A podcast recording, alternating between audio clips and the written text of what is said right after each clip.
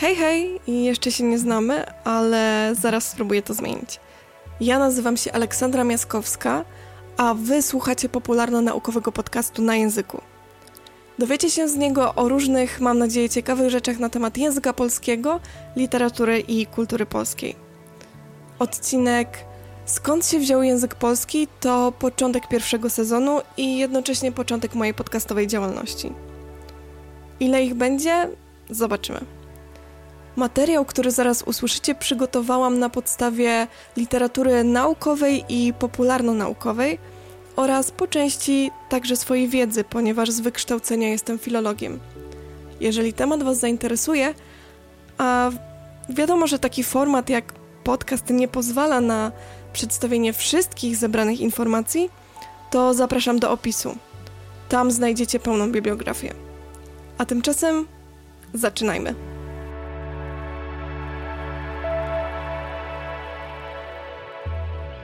Ma 7 przypadków, dwie liczby, trzy rodzaje w liczbie pojedynczej i dwa w liczbie mnogiej. Posługuje się nim prawie 40 milionów Polaków na terenie swojego kraju i kilka milionów Polaków za granicą. Tylko czy zastanawialiście się kiedyś, skąd w ogóle wziął się język polski i dlaczego wygląda tak, a nie inaczej?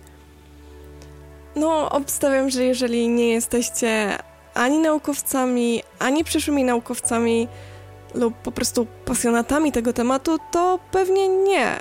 Ale skoro już trafiliście na mój podcast, to chętnie Wam na te pytania odpowiem. Zanim w ogóle sięgnie się do historii języka polskiego, warto najpierw zadać sobie inne pytanie. Skąd w ogóle wziął się język? Niestety, odpowiedź na nie nie jest ani prosta, ani jednoznaczna. Jeżeli zapytacie o to chrześcijanina, może odpowiedzieć, że język pochodzi od Boga. W końcu to za jego przyzwoleniem pierwszy człowiek Adam nazwał otaczającego świat. To również Bóg sprawił, że ludzkości pomieszały się języki, o czym wiecie zapewne z historii o wieży Babel. Przez wieki ludzkość właśnie w ten sposób próbowała tłumaczyć sobie pochodzenie języka. Zmieniło się to wraz z nadejściem pierwszego prawdziwego przewrotu intelektualnego, czyli w XVIII wieku. Wówczas Jan Jakub Rousseau, jeden z najważniejszych pisarzy i filozofów swojej epoki, w dziele o pochodzeniu języków pisał tak. Utrzymuje się, że ludzie wynaleźli mowę dla wyrażenia swoich potrzeb. Pogląd ten wydaje mi się nie do utrzymania. Pochodzenie języków nie jest bynajmniej efektem pierwszych ludzkich potrzeb. Absurdalne byłoby, gdyby z przyczyny, która ludzi oddziela, wziął się środek, który ich łączy. Skąd więc może brać się pochodzenie? Z potrzeb duchowych, z namiętności.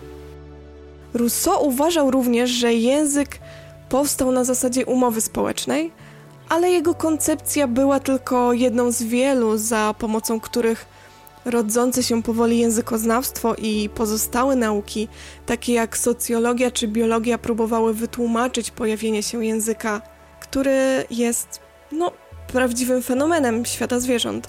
Współcześnie większość badaczy zajmujących się tym tematem jest zgodnych co do tego, że język powstał najpewniej w wyniku ewolucji biologicznej, która doprowadziła do wyodrębnienia się gatunku Homo sapiens. Jednocześnie ten język, który znamy, współczesny język, za pomocą którego mogę się teraz z Wami komunikować, nie pojawił się u hominidów nagle, a był poprzedzony tak zwanym protojęzykiem. To nim posługiwali się przodkowie człowieka rozumnego. Przy okazji zakłada się także, że zdolność językowa jest człowiekowi wrodzona w postaci specjalnego organu językowego, który nazywa się powszechnie UG. Jest to skrót od angielskiego Universal Grammar, czyli gramatyki uniwersalnej. Przy tym jest część badaczy, którzy postulują istnienie czegoś, co można nazwać ludzkim genem językowym. Istnieje także teoria, do której przychyla się m.in. amerykański językoznawca Noam Chomsky i wedle której język powstał przypadkiem, jako produkt uboczny rozwoju umysłowego hominidów. Podobnego zdania jest amerykański biolog ewolucyjny Stephen J. Gould, który traktuje język jako efekt uboczny wynikający po prostu z wielkości ludzkiego mózgu. Ale gdzie w tym wszystkim miejsce dla innej ważnej i równie ciekawej kwestii, czyli po co nam było aż tyle tych języków? Skoro mamy wrodzoną zdolność do posługiwania się jednym, dlaczego tworzyliśmy kolejne? Otóż powodów takiego stanu rzeczy jest kilka. Pierwszy i chyba najbardziej oczywisty to bariery geograficzne. Podczas wędrówek ludów grupy Homo sapiens oddzielały się od siebie i wraz z upływem czasu oddzielały się także ich języki. Może to brzmieć paradoksalnie, ale stworzyliśmy tyle języków również z potrzeby odróżnienia się. Tylko po co było tak utrudniać sobie życie? W końcu odróżnianie się, tworzenie różnic to również tworzenie barier. Tylko jak się okazuje, bariery bywają ludziom często bardzo potrzebne. Profesor Mark Pagel, biolog ewolucyjny z University of Reading w Wielkiej Brytanii, tłumaczy wykształcenie tak wielu języków nieustanną rywalizacją pomiędzy osobnikami gatunku Homo sapiens i zagrożeniem, jakie wzajemnie dla siebie stwarzaliśmy i jakby nie było, wciąż stwarzamy. Te właśnie procesy, o których Wam opowiedziałam, są także odpowiedzialne za wykształcenie się języka polskiego. Oczywiście, zanim do tego doszło, musiało minąć wiele tysięcy lat. Jednocześnie, jak się zaraz przekonacie, o języku nie można mówić bez kontekstu historyczno-politycznego. Wystarczy wspomnieć, że za umowną datę, a dlaczego umowną, pozwólcie, że wyjaśnię wkrótce. Za umowną datę powstania języka polskiego uznaje się drugą połowę X wieku. Myślę, że każdy, kto ma za sobą podstawowy kurs historii, wie, co takiego się wtedy wydarzyło. Otóż w 966 roku miał miejsce chrzest polski. Zanim jednak mogliśmy w ogóle mówić o języku polskim, musiało dojść do wielu złożonych procesów. Na długo przed Mieszkiem I istniała inna wspólnota, której członkowie już ponad 3000 lat przed naszą erą porozumiewali się ze sobą przy użyciu prajęzyka. To właśnie z tej wspólnoty wyłoni się później język polski. Mowa tu o praindoeuropejczykach. Pra, ponieważ mówimy o pra-wspólnocie. Wiem, że ta nazwa może wydawać się trudna, ale niestety, no, tak przyjęło się ich nazywać. Praindoeuropejczycy posługiwali się, jak żeby inaczej, językiem praindoeuropejskim. To kiedy oraz gdzie zamieszkiwali nie jest do końca jasne. Na przestrzeni lat różni badacze mieli co do tego dość odmienne zdanie. Współczesne opracowania jako ojczyznę praindoeuropejczyków wskazują nizinne stepowe obszary położone nad Dolną Wołgą, rzeką, która płynie dziś przez tereny należące do Rosji. Przyjmuje się przy tym, że nie były to pierwotne tereny ich występowania, a wspólnota praindoeuropejska ukształtowała się raczej w trakcie wędrówek ludów z obszarów Azji. Zapytacie tylko, skąd wiadomo, jak i czy w ogóle porozumiewali się ludzie żyjący ponad 5000 lat temu? Oczywiście żaden pierwotny praindoeuropejczyk nie przetrwał dostatecznie długo, żeby udzielić nam na ten temat informacji, ani tym bardziej nie zapisał niczego, co mogłoby stanowić przedmiot badań. To, co wiemy na temat zasięgu terytorialnego i chronologicznego wspólnoty praindoeuropejskiej, ma charakter hipotetyczny. To natomiast, co wiemy o języku praindoeuropejskim, zdołaliśmy uzyskać poprzez zrekonstruowanie go za pomocą metody historyczno-porównawczej. Takie próby odtworzenia prajęzyka naszych przodków podejmowano już w XIX wieku. Jednym z XIX-wiecznych, no powiedzmy, archeologów języka był niemiecki językoznawca August Schleicher, autor kompendium gramatyki języka praindoeuropejskiego. Co ciekawe, na podstawie odtworzonych zasobów języka praindoeuropejskiego możemy przyjąć nie tylko hipotetyczne miejsce ich pochodzenia, ale także to, że ówczesna wspólnota miała pasterski charakter, o czym świadczą liczne nazwy zwierząt hodowlanych. Co jeszcze ciekawsze, możliwe, że praindoeuropejczycy nie znali morza, a więc też nie żyli w jego pobliżu. Skąd taki pomysł? Wśród języków indoeuropejskich nie wykształciły się ani wspólna dla wszystkich nazwa określająca morze, ani też wspólne nazwy przedmiotów czy czynności z nim związanych. Pozwólcie jednak, że wrócimy do postawionego w tytule pytania. Skąd wziął się język polski? Otóż wędrówki ludów, które wcześniej pozwoliły ukształtować się wspólnocie praindoeuropejskiej, doprowadziły teraz do jej rozpadu. Około 2000 lat przed naszą erą podzieliła się ona na kilkanaście grup etnicznych. Te właśnie grupy zasiedliły z czasem całą Europę i większą część Azji. Ponownie jednak rodziny, które powstały z języka indoeuropejskiego, nie pojawiły się nagle.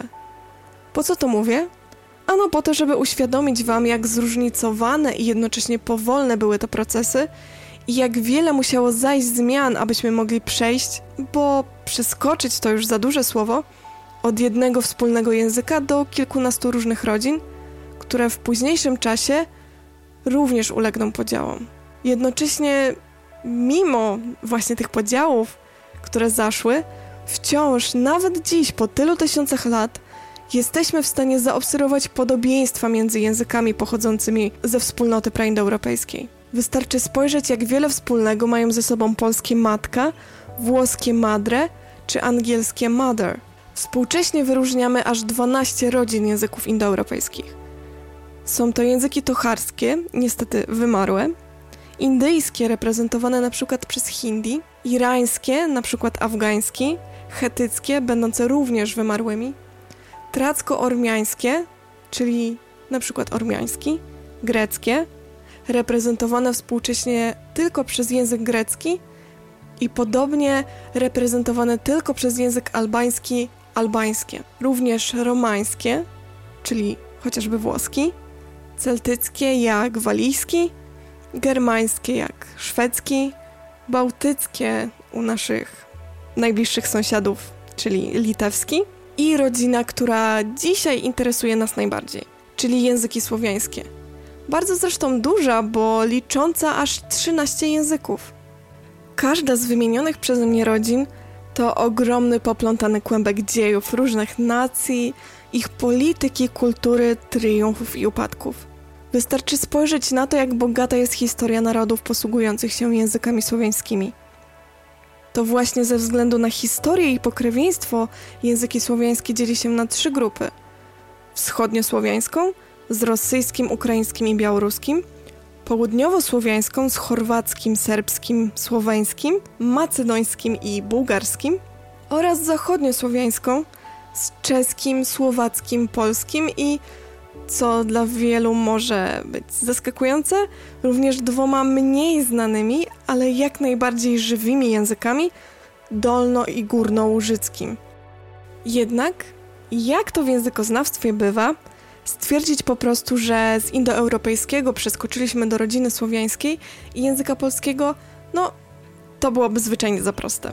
A to dlatego, że wykształcenie się języka przyszłych Polaków na długo poprzedzał okres związany rzecz jasna z wędrówkami ludów i postępującymi podziałami ludności, w których to nasi językowi i etniczni przodkowie posługiwali się wspólnym dla Słowian językiem, językiem prasłowiańskim. Gdzieś mniej więcej między III wiekiem przed naszą erą i I wiekiem naszej ery prasłowiański zespół etniczny na dobre rozgościł się między Odrą a Bugiem, Karpatami i Bałtykiem oraz nad Prypecią i środkowym Dniestrem. Gdyby starożytni Lechici ze swoim imperium istnieli, to pewnie posługiwaliby się właśnie językiem prasłowiańskim. Ale w przeciwieństwie do języka prasłowiańskiego, na istnienie imperium starożytnych Lechitów nie ma absolutnie żadnych naukowych dowodów. Trzeba jednak zaznaczyć, że ta wspólnota, o której dziś mówię, to nie było żadne państwo prasłowiańskie we współczesnym rozumieniu tego słowa, ani nawet jacyś przesadnie lubiący się sąsiedzi, co mieszkali chatka w chatkę i mieli swój unormowany, jednakowy dla wszystkich język, żeby się móc przywitać na werandzie. Nie. Wspólnota prasłowiańska miała charakter względny, przejściowy i niejednorodny.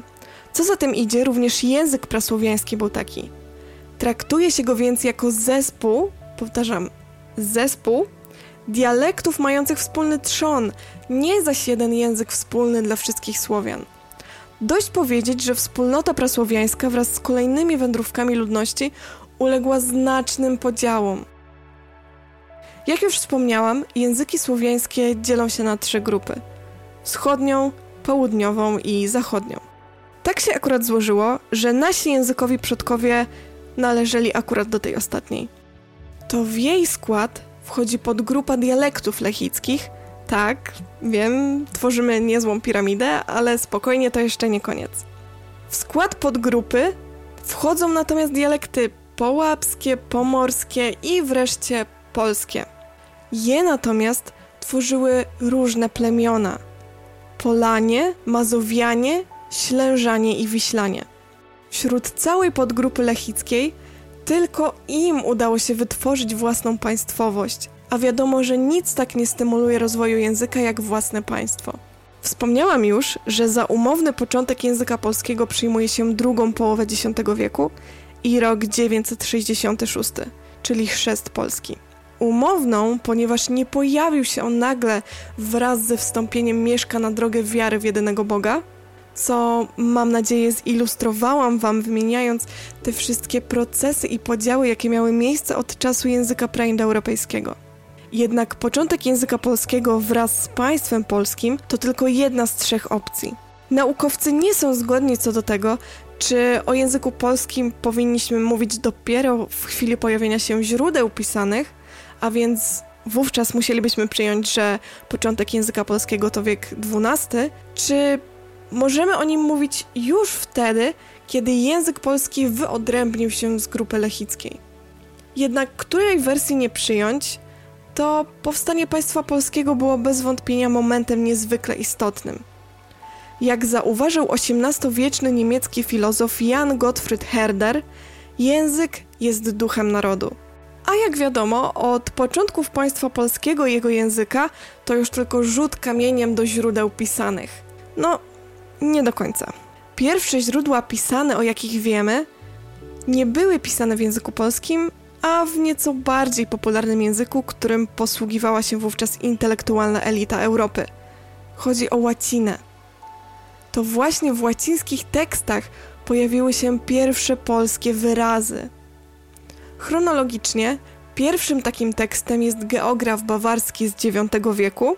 Jak już pewnie większość z Was zdążyła zauważyć, pochodzi on jeszcze sprzed czasów państwa polskiego. Nazwy, które w nim znajdziemy, ponieważ oczywiście to tylko pojedyncze wyrazy, które no, znajdują się między bogatym tekstem łacińskim. Te nazwy własne to Wiślanie, Goplanie, Wiercanie, Lędzicy, Ślężanie, moi ulubieni dziadoszanie, Opolanie, Brzeżanie i Golęszycy. Drugim, myślę, że nieco bardziej znanym tekstem jest najdawniejszy polski dokument, czyli Dagome Judex. Został on najpewniej sporządzony w okolicach 990 roku. To właśnie w Dagome Judex natrafimy na nazwy własne takie jak Kraków, Gniezno, Szczecin, Odra, Prusowie i Rusowie. Trzecim zabytkiem jest kronika autorstwa merseburskiego biskupa Tietmara. To na jej kartach znajdziemy nie tylko nazwy plemion, grodów i rzek, ale co najciekawsze, imię ówczesnego władcy i pierwszego polskiego króla Bolesława Chrobrego. Nie dajcie się jednak zmylić. Żaden z tych tekstów nie powstał w epoce piśmiennej języka polskiego. Zapytacie, dlaczego? Jak wspomniałam, wszystkie te teksty zostały spisane po łacinie. Te kilka polskich wyrazów, które możemy w nich znaleźć, to jedynie kropla w morzu i to bardzo zniekształcona kropla, ze względu na z jednej strony niedoskonałą grafię łacińską, która nie była w stanie oddać charakteru typowo polskich głosek jak on czy ni, a także obce pochodzenie autorów. Jednak grafia to temat na zupełnie inny odcinek. W każdym razie, zarówno geograf bawarski Dagome Judex i kronika Tietmara powstały przed epoką piśmienną języka polskiego. Ją otwiera spektakularnie dopiero w 1136 roku jej wysokość Bulla Gnieźnieńska, nazywana również Złotą Bullą. Na prośbę arcybiskupa gnieźnieńskiego Jakuba wystawia ją ówczesny papież Innocenty II i wbrew temu, co możecie właśnie myśleć, to bulla też powstała po łacinie. Tylko, że między łacińskim tekstem bulli znajduje się aż 410 polskich nazw miejscowości i nazw osobowych. A na tym nie kończy się wyjątkowy charakter tego dokumentu, ponieważ złota bulla najpewniej jest, uwaga, falsyfikatem. Tak dobrze słyszeliście, nie regulujcie głośników ani słuchawek. Dlaczego więc powstanie bulli uznaje się za początek epoki piśmiennej języka polskiego? Ponieważ chociaż badania profesora Karola Maleczyńskiego wykazały, że bulla gnieźnieńska została zredagowana przez osobę nieznającą dobrze zwyczajów kancelarii papieskiej, to wciąż zawarty w niej materiał językowy jest jak najbardziej autentyczny. Zatem, mimo że bulla gnieźnieńska jako dokument o mocy, powiedzmy, prawnej, może być uznana za falsyfikat, to pewne jest, że zawiera prawdziwe polskie nazwy własne z pierwszej połowy XII wieku, a więc stanowi doskonałe źródło wiedzy o ówczesnym języku polskim. To, co było później, no z tym to już jest tylko lepiej. Pojawia się Księga Henrykowska z 1226 roku, ale nie została ona napisana przez żadnego Henryka, a swoją nazwę zawdzięcza klasztorowi cystersów w Henrykowie pod Wrocławiem. To właśnie w księdze henrykowskiej można znaleźć te sławne pierwsze polskie zdanie. Wypowiada je Boguchwał bądź Bogwal, który zwraca się do żony mającej problem z mieleniem na żarnach i mówi do niej w ten oto sposób. Daj ać, ja pobruszę, a ty poczywaj. Czyli z polskiego na nasze daj, ja popracuję, a ty odpocznij. Późniejsze wieki przynoszą nam coraz więcej zabytków językowych, w tym ukochaną przez wszystkich uczniów i studentów Bogu Rodzice. To ona jest najstarszą polską pieśnią religijną, która notabene, wbrew rewelacjom Długosza, najpewniej wcale nie była śpiewana pod Grunwaldem. Jeżeli macie ochotę, to mogę opowiedzieć o tym w którymś z przyszłych odcinków na języku. Ale wracając do naszego tematu. Wejście w epokę piśmienną języka polskiego to było coś więcej niż tylko utrwalenie słowiańskiego języka przy użyciu pisma. To także początek czegoś, co możemy nazwać ogólnopolską polszczyzną. Domyślam się, jak to może brzmieć ogólnopolska polszczyzna, ale pozwólcie, że wam to wytłumaczę. Ten język polski, którym posługiwano się w X wieku, a więc wraz z początkami państwowości, nie był w żaden sposób regulowany. Nie uczono go w żadnej ogólnopolskiej szkole. Nasi przodkowie mówili raczej po prostu po lokalnemu. A jeżeli mielibyśmy to ubrać w bardziej naukowe słowa, to polszczyzna była wówczas, a także wiele wieków później, silnie zróżnicowana regionalnie. Inaczej mówiło się w Małopolsce, inaczej w Wielkopolsce, a jeszcze inaczej na Mazowszu. Takie pierwsze próby standaryzacji języka polskiego to dopiero wiek XIV i XV, a celem takich działań było przede wszystkim stworzenie jednolitego języka literackiego, czyli tego, w którym no, powstawałyby po prostu polskie księgi. To jak od momentu, czy raczej całego okresu swojego powstania rozwinął się język polski, można zilustrować podziałem go na okresy. Pierwszym jest okres staropolski. Liczymy go od wspomnianego już X wieku aż do przełomu XV i XVI. Drugi okres, czyli średniopolski, obejmuje wiek XVI, XVII i kończy się dopiero wraz z pierwszym rozbiorem Polski w 1772 roku. Trzeci to okres nowopolski, liczony od 1772 do 1939, a więc do wybuchu II wojny światowej. A dzieje tej polszczyzny, którą posługujemy się dzisiaj, którą ja mówię do Was, no to jest dopiero koniec II wojny światowej, czyli o współczesnej polszczyźnie mówimy dopiero od 1945 roku. Skąd taki podział i dlaczego właśnie taki? Otóż język polski, podobnie jak każdy język naturalny, ulegał przemianom. Niektórym mniej, innym bardziej gwałtownym. Często wywoływanymi czynnikami społeczno-politycznymi. Wystarczy wspomnieć, że no, na pewno moje ulubione uzamknięte to wynalazek dość młody, bo datowany na wiek XIX. Wcześniej nie mieliśmy króla, a króla. Jednocześnie wyrazy, które dziś brzmią dla nas, no, wręcz swojsko, wręcz kojarzą nam się z tą naszą polską prawdziwą wsią, jak kościół, firanka czy krużganek. Każdy z tych trzech wyrazów to zapożyczenie. Gdyby przypadkowy Polak cofnął się w czasie z XXI wieku do wieku XVI, to jestem pewna, że nie dogadałby się z nawet najlepiej wyuczonym w języku i piśmie rodakiem. Wystarczy spojrzeć, jaki problem mamy ze zrozumieniem tekstów pisanych czy to w XVI, XVII czy XVIII wieku. Myślę, że tyle wiedzy na temat języka polskiego na dzisiaj już wystarczy, ale zanim zakończymy, chciałabym jeszcze podsumować to, o czym sobie powiedzieliśmy. Przede wszystkim warto pamiętać, że chociaż nauka nie znalazła jednoznacznej odpowiedzi na to, skąd u ludzi wzięła się zdolność do posługiwania językiem, to pewne jest, że językowi przodkowie już wiele tysięcy lat temu porozumiewali się ze sobą za pomocą prajęzyków. W tym za pomocą prajęzyka praindoeuropejskiego. Oczywiście nie jest to jedyna wspólnota, która wówczas zaistniała. Wystarczy wspomnieć, że w Europie i to całkiem blisko nas znajdują się dwa narody posługujące się językami, które do wspólnoty indoeuropejskiej nie należą. Jest to fiński i węgierski. Ale z tego prajęzyka, o którym właśnie mówię, w konsekwencji przemian, no, których motorem napędowym była m.in. wędrówka ludów, po wielu tysiącach lat wyodrębniły się rodziny języków, a z nich języki, w tym języki słowiańskie, a z nich po jakimś czasie język polski. Jednak chciałabym tutaj zaznaczyć, że to pytanie, które postawiłam na początku i na które starałam się odpowiedzieć, pytanie skąd się wziął język polski, prowadzi mnie do takiego wniosku, że słowo powstał, no nie do końca tutaj pasuje. Kojarzy mi się z nim raczej proces zakończony. Coś, co z niego uzyskaliśmy, jest ostateczne, nie podlega zmianom.